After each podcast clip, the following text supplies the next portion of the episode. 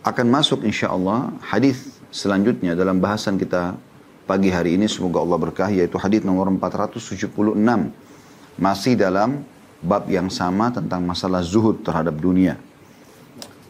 Yang berbunyi dari Abu Al-Abbas Sahal bin Sa'ad As-Sa'idi radhiyallahu anhu beliau berkata ja'a rajulun ila ila Nabi sallallahu alaihi wasallam faqal ya Rasulullah dulluni ala amalin idza amiltuhu ahabbani Allah wa ahabbani an-nas faqala izhad fid dunya yuhibbuka Allah wazhad fi ma 'inda 'inda an-nas yuhibbuka an-nas Seseorang laki-laki telah datang kepada Nabi SAW seraya berkata, Wahai utusan Allah, wahai Rasulullah, tunjukkanlah kepadaku suatu perbuatan yang apabila aku mengamalkannya, maka aku dicintai oleh Allah dan dicintai oleh manusia. Maka beliau SAW bersabda, zuhudlah di dunia. Niscaya kamu dicintai oleh Allah dan zuhudlah terhadap apa yang ada di tangan manusia, maka pasti kamu akan dicintai oleh manusia. Hadith ini sanatnya Hasan, dan diriwayatkan oleh Ibnu Majah dan yang lain-lain dengan sanad hasan pula. Hadis ini teman-teman sekalian, hadis yang sangat tepat yang diletakkan oleh Imam Nawawi rahimahullah dalam bab zuhudnya dan kembali saya ingatkan kalau definisi zuhud ya mendahulukan akhirat dari dunia dan bukan meninggalkan dunia untuk akhirat sehingga tidak perlu kita fokus makan roti kering, pakai baju yang kumuh, Ya, tidak ada sama sekali fasilitas dunia yang bisa dinikmati. Ini keliru. Dan selalu saya dari awal bab ini mengingatkan firman Allah Subhanahu wa taala dalam surah Al-Qasas surah nomor 28 ayat 77. A'udzu billahi minasyaitonir rajim wabtaghi fima ataka Allahu ad-daral akhirah wa la tansa nasibaka minad dunya. Kejarlah apa yang Allah janjikan untukmu di akhirat nanti dan jangan lupakan bagianmu dari dunia. Artinya di dunia boleh seseorang makan makan enak karena Nabi Shallallahu Alaihi Wasallam juga makan ya, e, paha kambing ya, dan beliau pernah diunja, di, mendatangi rumah seorang e, sahabat dari Ansar dalam kondisi beliau lapar bersama Abu Bakar dan Umar al Anumah kemudian ya, dihidangkanlah sembelihan anak kambing ya di, dengan roti gandum ya, dan sangat e, Cukup pada saat itu sampai Nabi SAW dan Abu Bakar merasa kenyang bersama juga pemilik rumah dan Nabi SAW mengatakan demi zat yang jiwa Muhammad dalam genggamnya sesungguhnya kalian akan ditanya terhadap nikmat-nikmat seperti ini pada hari kiamat. Tapi Nabi SAW menikmatinya. Hanya saja beliau bukan menjadikannya sebuah target. Kalau ada, beliau makan. Kalau tidak ada, maka beliau tidak menjadikannya sebuah beban pikiran.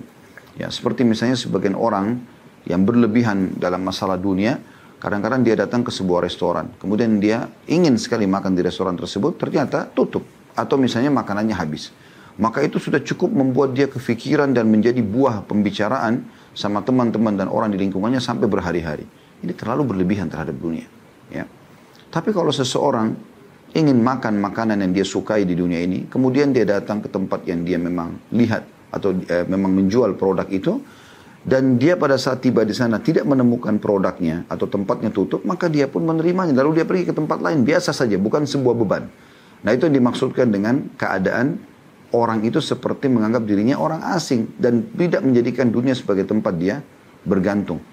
Dia pengen sekali membeli merek handphone tertentu atau celana atau tas atau baju atau apalah kira-kira pernak-pernik yang ada di muka bumi ini termasuk kalau dia ingin beli rumah, ingin beli kendaraan Pas dia ke lokasi ternyata sudah laku atau sudah habis misalnya produknya. Maka di sini tidak perlu dia kecewa sebagai orang yang beriman yang memahami makna zuhud. Dia tahu itu bukan rezekinya, maka kemudian dia berikhtiar ke makanan lain, pakaian lain, ya tas lain, celana lain, sepatu lain, rumah yang lain, kendaraan yang lain, tidak ada masalah bagi dia. Bukan sebuah beban, ya. Jadi satu sisi kita boleh menikmati dunia selama itu halal, sisi yang lain kita tidak boleh menjadikannya sebagai sebuah target sehingga berlebihan dalam masalah mengejarnya. Ya, termasuk juga tanda-tanda orang yang tidak zuhud adalah mereka kalau kehilangan sebuah barang dari dunia ini mereka merasa luar biasa seakan-akan sudah habis semuanya harapan dia. Ya seakan-akan sudah hancur semua hidupnya. Padahal sebenarnya orang mukmin tidak perlu seperti itu. Di saat kita memiliki sebuah benda yang hilang yang rusak ya sudah. Berarti selesai. Barang itu pun punya ajal, punya waktu di mana dia akan rusak. Ya. Dia tinggal ikhtiar, memperbaikin, kalau hilang dia cari, kalau sudah tidak ada ya sudah. Dia menganggap itu adalah sebuah cobaan dari Allah, dia istirja atau mengucapkan inna lillahi wa inna ilaihi raji'un. Ya. Kami milik Allah, kami akan kembali kepada Allah sebagaimana Allah jelaskan dalam surah Al-Baqarah. Ya. A'udzu billahi minasyaitonir rajim ayat 155-nya wabasyiris sabirin di akhir ayatnya. Sampaikan berita gembira kepada orang-orang yang sabar kalau sedang datang cobaan kepada mereka. Alladzina idza 156-nya alladzina idza asabathum musibatun qalu inna lillahi wa inna ilaihi raji'un. Yaitu mereka orang-orang kalau ditimpa musibah, sesuatu yang mereka tidak suka, mereka mengatakan kami milik Allah, kami akan kembali kepada Allah. Ulaika alaihim salawatu rabbihim wa rahmah wa ulaika humul muhtadun. Mereka lah orang-orang yang mendapatkan ya, salawat dari Tuhan mereka. Maksudnya Allah SWT meridhoi mereka. Allah SWT memberikan kepada mereka jalan keluar. Mereka dapat petunjuk. Ya. Jadi eh, kita harus berada di dua hal tadi yang saya katakan. Kita boleh menikmati dunia tapi kita tidak perlu menjadikannya sebagai sebuah target. Kapan luput dari kita tidak ada masalah. Makanya beberapa tabi'in di antaranya Sa'id bin Musayyib rahimahullah berkata, Aku telah bertemu dengan satu kaum, maksudnya para sahabat yang tidak akan pernah mereka merasa sedih kalau ada yang luput dari mereka dari urusan dunia. Sangat hina dunia ini bagi mereka gitu, bukan sebuah target. Ya. Tapi mereka akan merasa kehilangan sekali di saat ada satu jenis ibadah yang luput dari mereka. Pada saat mereka tidak sempat sholat malam, pada saat mereka terluputkan dari sebuah ibadah yang mereka memang biasa lakukan, ya, maka mereka sangat sedih. Begitu keadaan orang-orang beriman ya, yang harus memahami atau dipahami dari poin apa yang baru kita sampaikan tadi. Baik dari hadis ini kita ambil pelajaran ada wasiat Nabi Shallallahu Alaihi Wasallam kepada sahabat yang mulia ini agar dia mendapatkan dua hal cinta Allah dan cinta manusia. Karena itu yang diminta oleh orang ini. Dan ini kecerdasan sahabat ini ya. Bagaimana dia ingin agar sang pencipta menyukai dia dan kalau makna cinta artinya akan ada loyalitas. Allah subhanahu wa ta'ala akan penuhi kebutuhannya. Allah subhanahu wa ta'ala akan maafkan kesalahannya. Begitu juga dengan manusia. Manusia tidak ada yang membenci dia. Manusia semua merasa nyaman dengan dia. ya. Maka itu yang diminta kepada Nabi sallallahu alaihi wa wasallam. Kita ambil pelajaran pertama dulu tentang masalah kecerdasan sahabat Nabi yang mulia Abu Abbas Sahal bin Sa'ad As-Sa'idi radhiyallahu anhu. Ini sudah sering kita sampaikan ya ada beberapa orang sahabat yang langsung menyampaikan wasiat Nabi SAW, ya, to the point, langsung ke bahasannya. Rasulullah SAW bersabda begini, dan itu hak dia tentunya, dan itu sangat baik karena sudah menyampaikan apa yang baginda Nabi SAW wasiatkan buat umat ini. Tapi ada sebagian sahabat, mereka menunggangi momentum yang sedang ada, lalu menceritakannya. Nah, berapa kali kan hadis-hadis yang lalu sempat lewat, ada sahabat yang menceritakan Nabi SAW sedang duduk bersama mereka. Ada yang sedang berjalan bersama Nabi SAW. Ada yang sedang berperang bersama Nabi SAW. Lalu mereka menggambarkan itu. ya Menggambarkan. Maka menggambarkan ini mungkin bagi sahabat-sahabat yang hadir pada saat itu tidak terlalu penting karena mereka menyaksikan. Tapi bagi kita yang hidup sekarang ini, yang tidak hadir di saat itu, kita seperti sedang menghadapi suasana itu. Ya, pada saat diceritakan. Seperti ini misalnya, Abu Abbas radhiyallahu anhu mengatakan, telah datang seorang laki-laki kepada Nabi Shallallahu Alaihi Wasallam lalu bertanya, jadi ini bukan kasus yang sedang dihadapi oleh Abu Abbas, ya, bukan juga oleh ya Nabi SAW pribadi langsung beliau sampaikan, tapi ada seseorang yang bertanya. Ini pelajaran pertama. Pelajaran yang kedua adalah kecerdasan sahabat yang bertanya ini. Ini juga kejelian dalam memilih soal ya, atau pertanyaan. Usahakan teman-teman sekalian kita kalau bertemu dengan seorang alim, maka jangan pernah luputkan waktu-waktu yang berharga bersama dia dengan bertanya. Ya. Ada sebagian para ulama kita yang kalau kita duduk dengan dia, mungkin dia ingin mencari pahala. Dia dengan semangatnya selalu bertanya, dia dia yang tiba-tiba menasehatin tanpa diminta. Ada orang seperti itu. Tapi ada juga orang tipologinya tidak. Dia lebih banyak diam, karena dia sibuk dengan zikirnya, dia sibuk dengan uh, apa namanya menjaga uh, daripada dia ngomong salah misalnya atau dia uh, khawatir orang lain mungkin tidak tidak sedang nyaman untuk dinasehatin, maka dia pun harus dikorek ini. Mutiara-mutiara ilmunya itu harus dikorek. Ya, kadang-kadang kalau dari para ulama-ulama kita ini, kalau uh, mungkin masalah sepele, mungkin kita hanya bertanya masalah yang sudah kita tahu tentang taubat misalnya. Tapi mungkin dengan satu buah hadis, dua buah hadis, uh, kisah sahabat, kisah orang-orang saleh yang disampaikan, membuat kita lebih terdorong untuk melakukannya. Nah, ada orang-orang yang perlu kita bertanya. Kita sampaikan pertanyaan tersebut, kita korek uh, mutiara ilmu yang memang tersimpan pada diri orang tersebut. Nah, ini yang perlu dilakukan gitu. Saya kadang-kadang kalau lagi jalan ke luar negeri misalnya, terutama ke Saudi pada saat bimbing umroh atau haji, di saat Allah SWT mudahkan bertemu dengan seorang alim, maka saya coba berusaha. Ini kira-kira apa yang perlu saya tanyakan nih? Walaupun pertanyaan itu coba kita cari gitu, ya. Mungkin belum terlintas di benak kita. Karena memang luar biasa gitu. Mutiara-mutiara yang keluar dari mereka ini sangat luar biasa gitu. Di musim haji satu waktu beberapa tahun yang lalu pada saat kami membimbing haji ya, uh, itu ada satu orang ulama doktor di bidang hadis yang uh, datang dari Jordan, Dr. Ziyad Abadi hafizahullah. Kebetulan beliau haji juga. Kemudian saya langsung temuin dan saya mengatakan, Syekh bisa nggak gitu? Ini ada jemaah saya, Anda lowongkan waktu datang. Waktu itu kebetulan belum tiba uh, tanggal 8 Zulhijjah, kami masih menunggu fase itu. Ya. Walaupun kami ambil haji tamattu, artinya sudah umroh, Nah fase menunggu dari umroh ke tanggal 8 Zulhijjah untuk hari Tarwiyah, itu ada waktu lowong. Biasanya kami adakan pengajian buat jemaah sehari sekali. Ada juga yang mau konsultasi gitu kan. Kebanyakan kami menghabiskan waktu sholat di Masjid Haram. Tapi intinya saya panggil beliau, minta, beliau datang gitu. Dan beliau memberikan nasihat. Sebenarnya beliau bicara tentang haji. Tapi subhanallah, beda sekali keadaannya pada saat beliau menyampaikan. Bahkan ada hadis-hadis yang mungkin baru terlintas dan baru terdengar. Ya, apalagi beliau adalah murid langsungnya Syekh Albani rahimahullah, seorang pakar hadis yang masyhur, maka eh, banyak sekali manfaat yang kita dapatkan dan jemaah pun merasakan manfaat. Tapi di sini kita coba menanyakan gitu, seperti apa uh, kesempatan beliau punya waktu atau tidak. Nah, pada saat tidak ada waktu pun, maka kita minimal melemparkan pertanyaan mungkin yang bisa uh, insya Allah itu memberikan manfaat kepada kita. Tapi tentu sebagai penuntut ilmu, saya dan anda semuanya, kita jangan terlalu memaksakan juga uh, diri dalam arti kata bukan berarti saya membahasakan tadi kita usahakan bertanya kemudian kita mengganggu juga kondisi dan keadaan seseorang gitu ya karena saya pernah mengalami pada saat selesai uh, sholat maghrib dan selesai ada muhadarah ada pengajian yang disampaikan oleh beberapa ulama di masjid Nabawi uh, dan ada satu syekh selesai dari pengajian saya kebetulan tidak hadir di halaqah beliau atau di pengajian beliau saya hadir di pengajian yang lain. Cuma pas saya keluar dari masjid ingin ke uh, ke satu tempat gitu ya, uh, beliau ada lewat di situ dan saya lihat memang karena dari uh, penampilan beliau adalah beliau salah satu pengajar di situ di Masjid Nabawi. Tujuan beliau sepertinya ingin ke kamar mandi gitu. Maka saya coba mengejar dan saya ingin bertanya sebuah pertanyaan gitu. Pada saat saya tanya beliau berikan isyarat untuk tidak gitu. Tidak bicara tapi memberikan isyarat dengan tangan dan beliau tetap jalan. Mungkin kalau orang tidak memahami sikap ini, mereka bisa berpikir sangka buruk mengatakan, oh orang ini tahu ilmu agama tapi nggak mau ngajarin, padahal saya perlu untuk bertanya. Padahal sebenarnya bukan.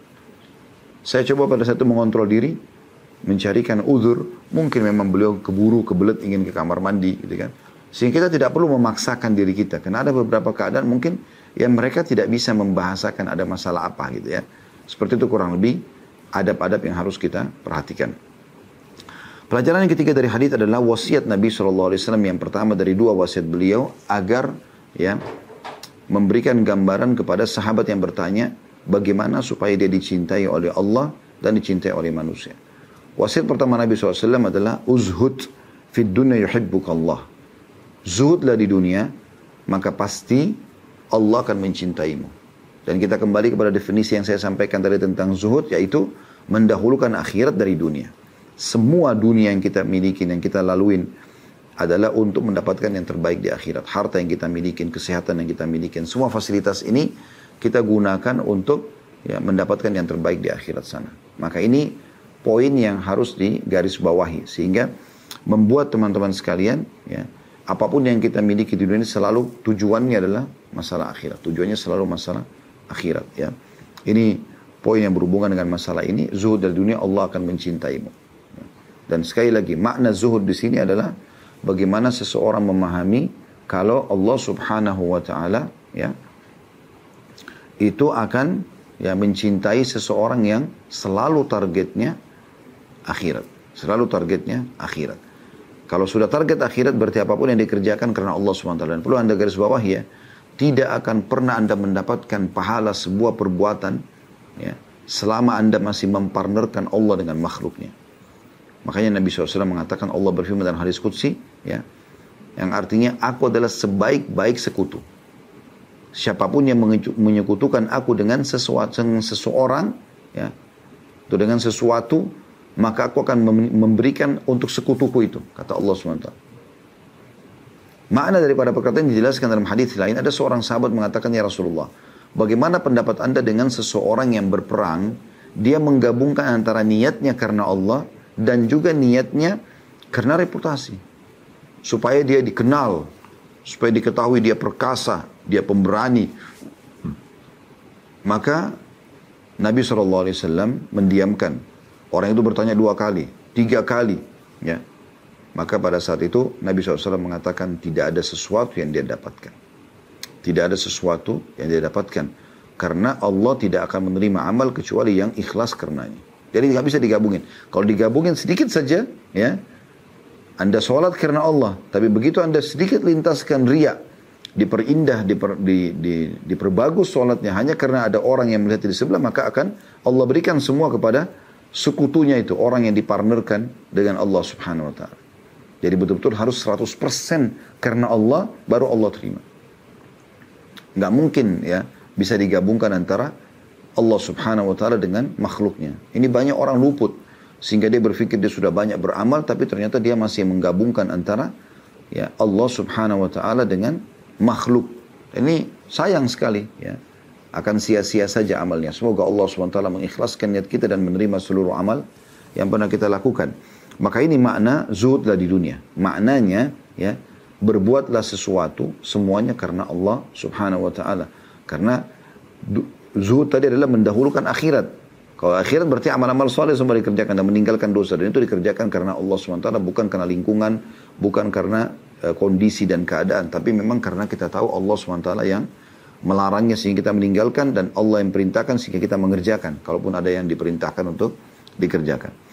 Kemudian wasiat yang kedua Nabi SAW dan ini faedah yang keempat dari hadis wazhad fi ma indan nas yuhibbukan nas.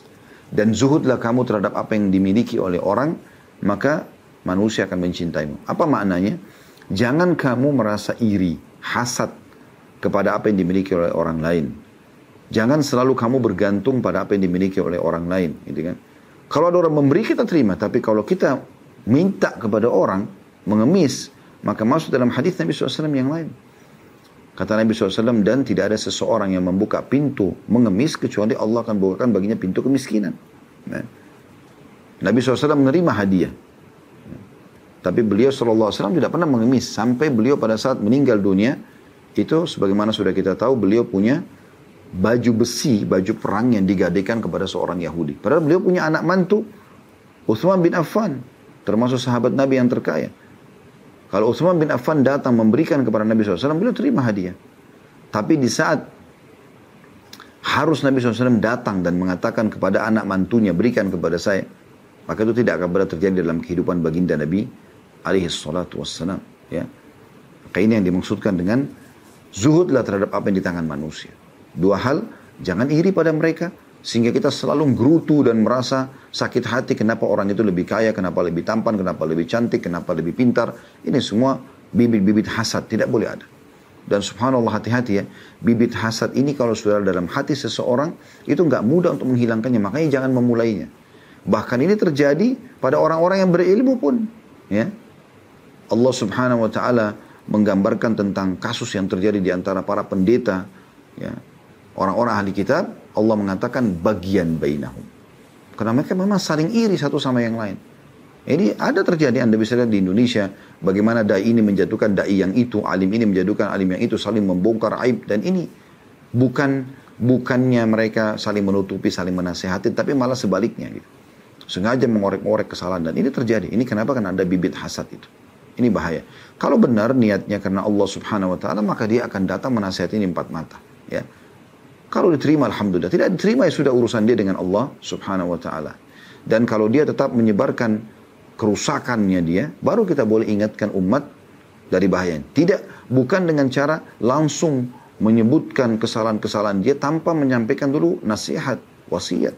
Tidak semuanya orang lahir dalam keadaan sudah pintar, alim, dah orang belajar. Maka kita semua dalam kondisi belajar, ya. Semua manusia bisa melakukan perbuatan-perbuatan yang salah. Ini poin juga harus diketahui ya. Jadi poin pertama dalam masalah zuhud terhadap di tangan manusia adalah jangan iri pada mereka. Ya. Jangan iri pada mereka. Yang kedua jangan mengemis pada apa yang mereka miliki. Ya, jadi kita ada kebutuhan, maka kita kebutuhan kita kita coba ikhtiar. Ya. Kalau Allah mudahkan mereka memberi, Alhamdulillah. Ingat kisah seorang salaf dulu yang saya sampaikan, dia miskin dan dalam kisah yang saya dapatkan ini tidak ditemukan atau saya tidak temukan namanya tapi kisah ini sahih insya Allah uh, dia kerja setiap hari dan pekerjaannya ya, uh, apa yang dia dapatkan hari itu hari itulah yang digunakan untuk memenuhi kebutuhan dia dengan istri juga anak-anaknya. Satu hari beliau pulang ke rumah dan tidak menemukan ya, uh, pendapatan. Tidak ada pekerjaan hari itu karena kerjaannya harian. Nah, tidak menetap gitu. dan zaman dulu tidak kayak sekarang di zaman sekarang, di malam hari orang masih bisa beraktivitas karena ada penerangan, ada lampu, ada cahaya. Zaman dulu orang kalau sudah tiba mag mau maghrib saja, itu semua toko sudah pada tutup. Orang sudah berkurang sekali aktivitasnya. Dan kebanyakan orang zaman dulu selepas isya mereka sudah tidur. Ya. Dan memang itu uh, yang disampaikan oleh Nabi atau di, dari sikap Nabi SAW, beliau ya tidak suka tidur sebelum isya, maksudnya habis maghrib dan beliau tidak suka berbicara kecuali hal yang penting selepas isya, belum beristirahat. Memang sudah seperti itu kondisinya pada saat itu. Intinya, dia pulang, bilang maghrib ke rumahnya, dan dia bilang sama istrinya, hari ini kita tidak punya apa-apa sama sekali. Istrinya bilang, anak-anak sama saya sama sekali belum makan dari pagi. Maka dia mengatakan, baik saya coba keluar lagi, ya ikhtiar cari jalan keluar gitu.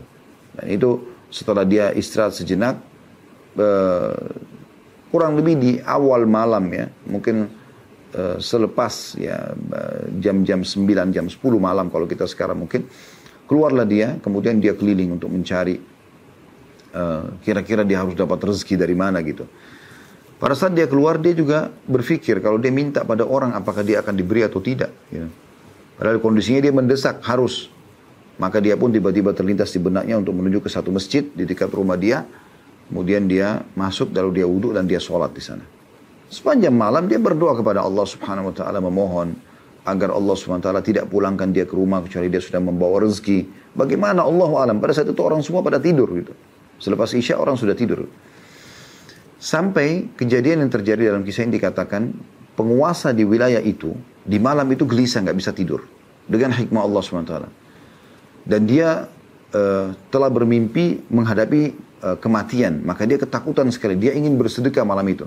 Maka dia pun mengambil harta terbaiknya, satu kantong berisikan dinar-dinar emas, lalu kemudian dia keluar, lalu dia menunggangi kuda tanpa ada pengawal, dia mengatakan, Ya Allah, sesungguhnya ya saya akan keluar sekarang uh, untuk bersedekah karenamu, ya, tanpa membawa pengawal juga supaya betul-betul ikhlas karenamu ya Allah, maka aku pun tidak akan memegang tali kekangan kudaku ini, aku biarkan akan jalan, tolong tunjukkan kepada orang yang paling tepat. Subhanallah, kuda orang ini datang ke masjid di mana tadi ada orang miskin itu. Mampir di situ berhenti dan dia kaget. Kenapa kuda ini berhenti di masjid? Lalu dia pun bersangka baik dengan Tuhan Tuhannya Allah. Dia turun dari tempat itu. Dia masuk ke dalam masjid. Karena gelap pada masa itu orang menggunakan obor ya. Eh, dan obornya dipadamkan biasa kalau selepas sholat isya. Eh, atau kebanyakan juga menggunakan sumbu yang pakai uh, apa, minyak zaitun Uh, maka dia pun masuk ke dalam masjid dan tidak ada tidak gelap, tidak terlihat orang-orang, tapi ada terdengar suara karena hening sekali pada saat itu. Dia pun mendekat ke suara itu ternyata orang tadi orang soleh ini yang miskin sedang berdoa kepada Allah. Dia dengarkan, ya Allah, sungguhnya engkau tahu kalau aku dan keluarga aku belum makan hari ini, ya berikanlah rezeki buat istri dan anak-anakku. Jangan engkau buat aku pulang ke rumah kecuali engkau sudah memberikan kami rezeki. Terus dia berkeluh kesah, maka orang pemimpin wilayah itu duduk di belakang orang ini, dia biarkan sampai selesai berdoa.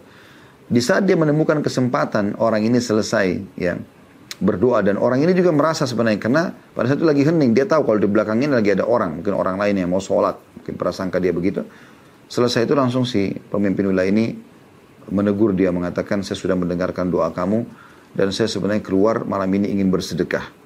Maka saya berharap terimalah sedekah saya ini karena Allah. Diberikanlah kantong yang ada dinar emas ya. Jadi ini sangat besar sekali nilainya.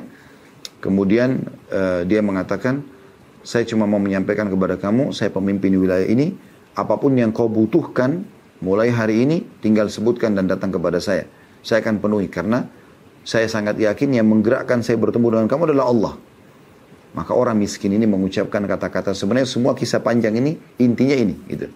Ya. Dia mengatakan Terima kasih jazakallahu khairan semoga Allah balas Anda dengan kebaikan tapi ketahuilah kalau saya punya hajat maka saya tidak akan datang kepada Anda tapi saya akan datang kepada zat yang telah mendatangkan Anda kepada saya. Maksudnya kepada Allah Subhanahu wa taala. Ya. Dan begitulah orang beriman, dia minta kepada Tuhannya dan Allah punya cara untuk memberikan dan memenuhi kebutuhan kita. Jadi ini poin yang penting untuk memahami bagaimana zuhud terhadap apa yang di tangan manusia.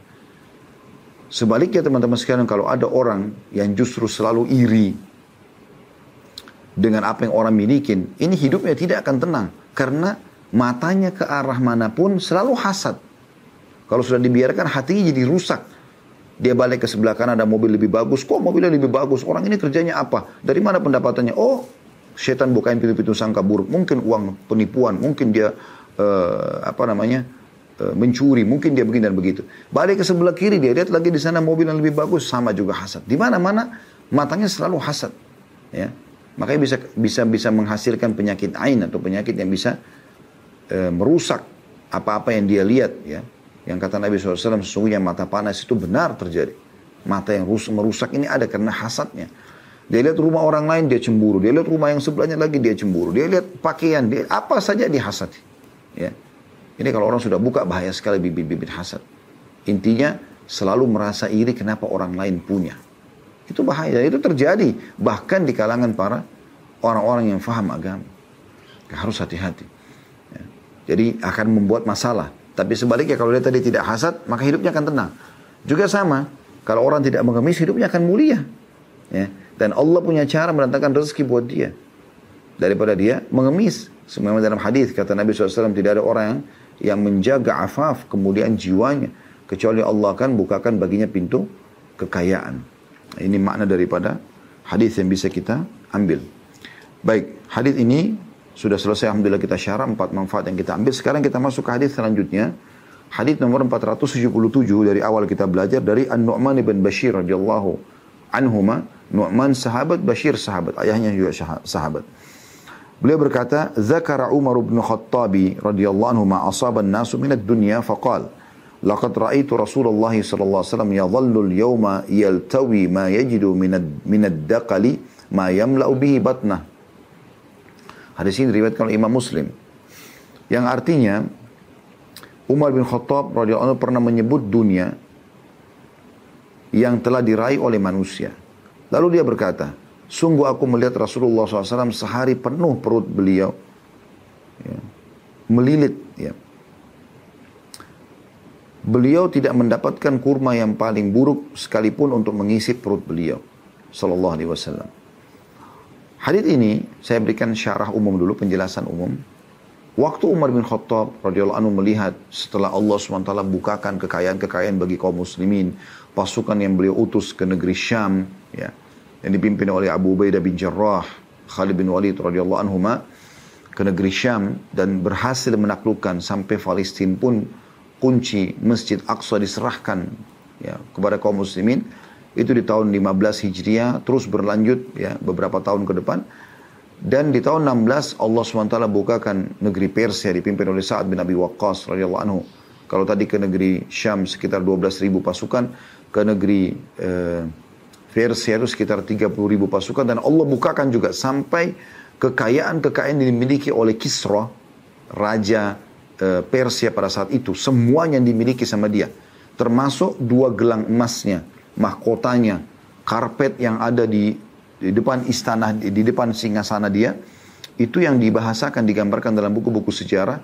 Karpet itu bisa menggambarkan seakan-akan orang sedang berada di sebuah uh, tempat yang sejuk ya di musim dingin. Karena di wilayah uh, Persia di saat itu ya Rusia kalau kita sekarang ya, sebagian besar di wilayah Indonesia sampai sekarang pun kita tahu musim salju dan kalau sudah salju turun umumnya apalagi yang turunnya eh, eh, jauh eh, atau lebat ya di, jauh di bawah eh, 0 derajat bisa sampai minus 12 minus 20 di beberapa wilayah maka sudah tidak nampak apa-apa lagi karena semuanya ditutup dengan es gitu kan maka di saat-saat musim dingin Kisra ini menyuruh menghamparkan karpet tersebut, permadani itu, dan di situ nampak seperti digambarkan dalam buku-buku sejarah, seperti dia berada di sebuah taman yang tidak ada musim salju itu. Bagaimana indahnya karpet itu gitu, permadani itu. Dan pada saat muslimin menembus istana putih Kisra di Madain, di kota Madain, beberapa sahabat dan Nabi SAW sudah katakan, beberapa segelintir dari sahabatku akan masuk ke istana putihnya Kisra dan memang betul, dari 30 ribu pasukan cuma beberapa orang yang sempat masuk pada saat itu, Kisra sudah melarikan diri. Kosongkan istana dia. Tapi dia tidak bisa bawa kekayaan-kekayaan ini. Maka sahabat pun bingung melihat, mau diapakan karpet ini? Bagi mereka nggak penting.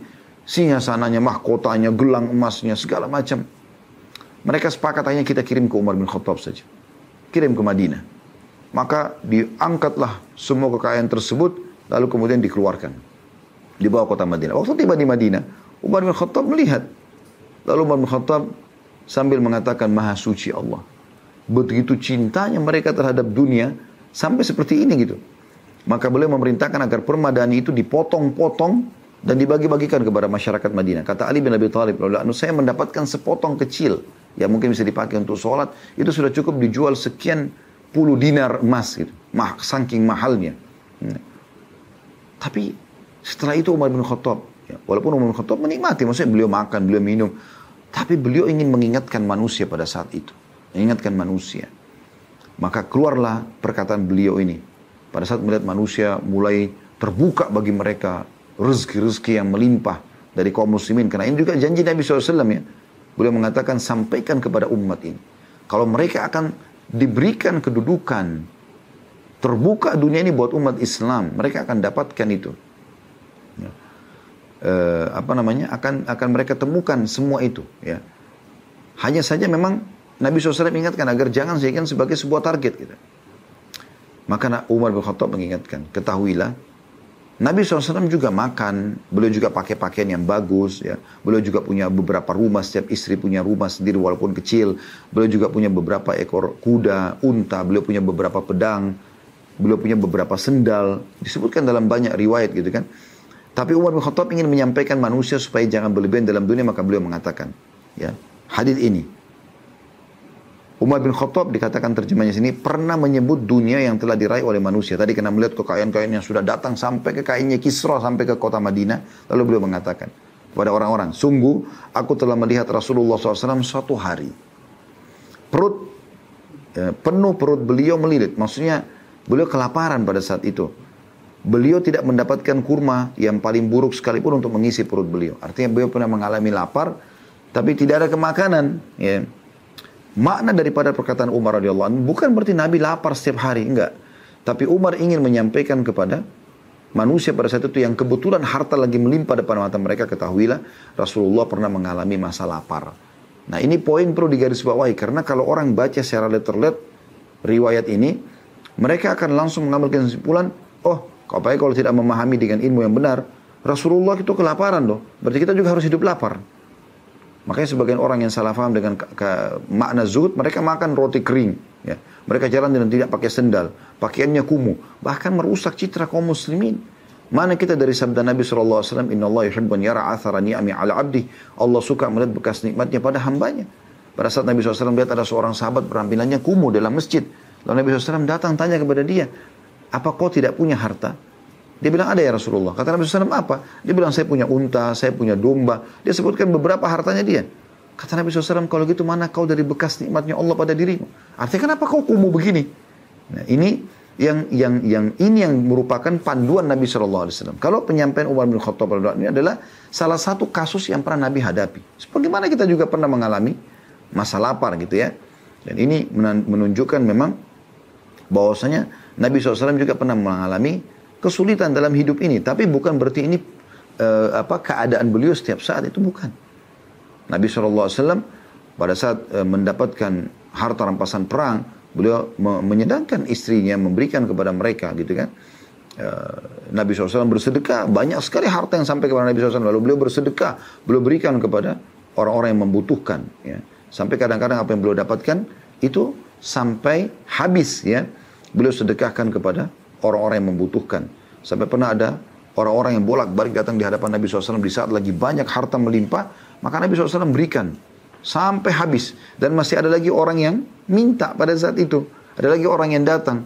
Maka Nabi SAW terlihat sedih karena udah nggak punya harus apa yang beliau bagi.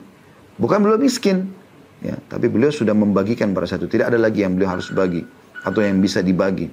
Maka berkatalah pada saat itu, ya, uh, Umar bin Khattab, ya Rasulullah, Allah tidak bebankan anda di atas kemampuan anda. Lalu kata, uh, tetapi Nabi SAW diam, lalu Ali bin, Ali bin Abi Thalib mengeluarkan beberapa dirham yang ada di kantong, dia mengatakan, ya Rasulullah, ya ini ada yang saya miliki, bersedekahlah semau anda. Maka Nabi SAW mengambilnya, lalu memberikan kepada orang miskin tersebut, lalu beliau mengatakan, bihadza umirtu. Seperti inilah aku diperintahkan. Jadi, begini cara memahami, ya, apa yang disampaikan oleh Nabi atau oleh Umar radhiyallahu anhu ya. Kita tutup dengan hadis yang terakhir 478 yang kita pelajari karena ini mirip ya. Dari Aisyah radhiyallahu anha beliau berkata, "Tufiya Rasulullah sallallahu alaihi wasallam ma fi baiti min syai'in ya'kulhu dhu kabidin illa syatru syairin fi raffin li fi raffin li fa akaltu minhu hatta tala alayya fakiltuhu fafaniya." Ketika Rasulullah SAW wafat, di rumah saya tidak ada sesuatu yang bisa dimakan oleh makhluk hidup. Kecuali sedikit gandum yang ada di dalam rakku. Maksudnya tempat menata makanan beliau. Gitu. Maka ya, aku pun makan dari gandum itu hingga waktu yang lama. Kemudian aku takar, maka habislah ia. Hadis ini diriwayatkan oleh Bukhari dan Muslim. Hadis ini juga sama, mirip dengan tadi. Kalau kita tidak ya uh, uh, memahami dengan pemahaman yang tepat, maka secara letterlet saja kita akan menangkap Ummul Mukminin Aisyah hidup dalam keadaan miskin. Padahal sebenarnya beliau radhiyallahu anhu menyampaikan ini bukan menggambarkan beliau bukan beliau mengeluh mengatakan Rasulullah tidak tinggalkan buat kami harta, kami hidupnya miskin. Bukan itu sebenarnya. Bukan itu yang dimaksudkan. Jadi wasiat Aisyah ini ingin menyampaikan kalau Nabi SAW itu zuhud terhadap dunia loh. Beliau pada saat meninggal habis harta yang disedekahkan sebelumnya. Ya, buat keluarganya pun ada yang ditinggalkan tapi sebatas makanan yang seperti ini. Ya, itu yang karena memang nabi-nabi tidak mewariskan dinar dan dirham sebagaimana dalam hadis lain ya. Memang itu perintah Allah SWT kepada para nabi-nabi sehingga mereka tidak meninggalkan harta buat keluarganya dan itu tidak berlaku umumnya kepada umat Islam gitu ya. Ini poin yang mesti digarisbawahi dalam penyampaian hadis ini gitu. Di sini Aisyah radhiyallahu anha Mukminin ingin menyampaikan kalau Nabi SAW itu orang yang zuhud dan mengajarkan kami zuhud di dunia. Sehingga kami tidak jadikan sebagai target. Dan apa yang terjadi pada kehidupanku, beliau mengatakan untuk Nabi SAW meninggal, di rumahku tidak ada lagi tidak ada makanan. Dan kebetulan ada sedikit gandum yang ditinggal. Dan itu aku takar untuk aku makan dalam waktu yang lama. Maksudnya cukup untuk beberapa waktu ke depan. Walaupun tidak disebutkan berapa harinya, berapa pekannya, berapa bulannya. Intinya cukup. Sampai akhirnya habis. Nah, pesannya adalah begini saja keadaannya saya terima karena orang mukmin harus memang tidak menjadikan dunia sebagai targetnya. Itu yang ingin Aisyah Rona sampaikan. Jadi bukan menyampaikan Rasulullah itu nggak tinggalin apa-apa loh buat kami. Ini jangan difahami ke situ. Ya, ini poin penting. Karena memang Ummul Mukminin Aisyah Anha memilih hidup untuk seperti ini.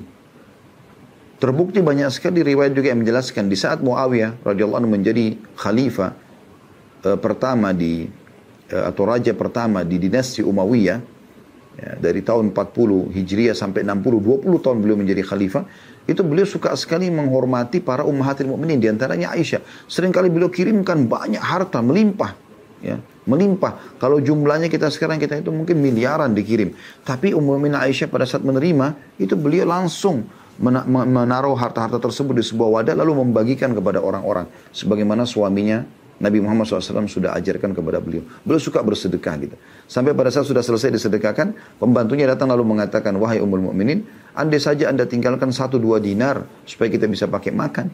Karena kita tidak punya apa-apa hari ini. Maka kata Aisyah, andai saja kau bilang tadi aku akan sisakan. Tapi kau tidak ingatkan. Maka beliau mendahulukan akhiratnya daripada dunianya. Ini maknanya. Jadi jangan sampai ada kesalahpahaman dalam masalah seperti ini.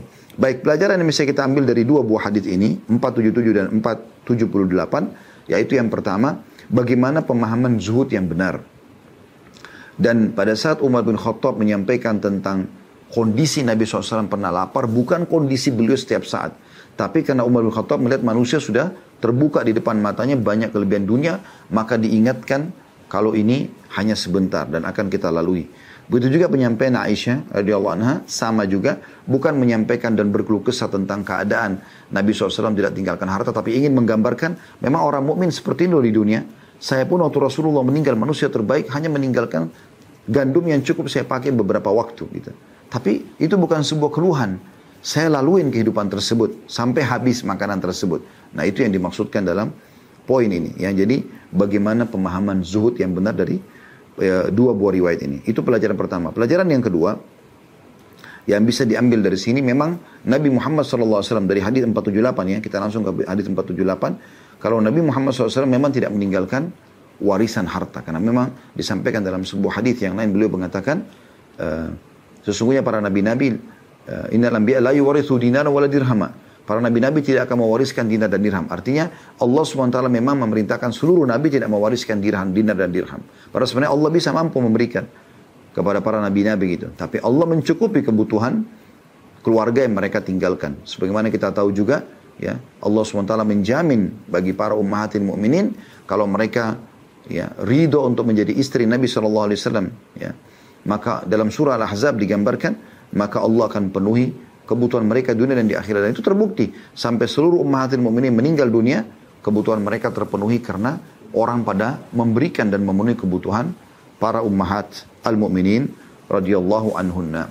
Baik ini bahasan kita teman-teman sekalian dan insya Allah kita akan lanjutkan di pertemuan akan datang nanti. Tepatnya di Rabu akan datang di hadis selanjutnya 479.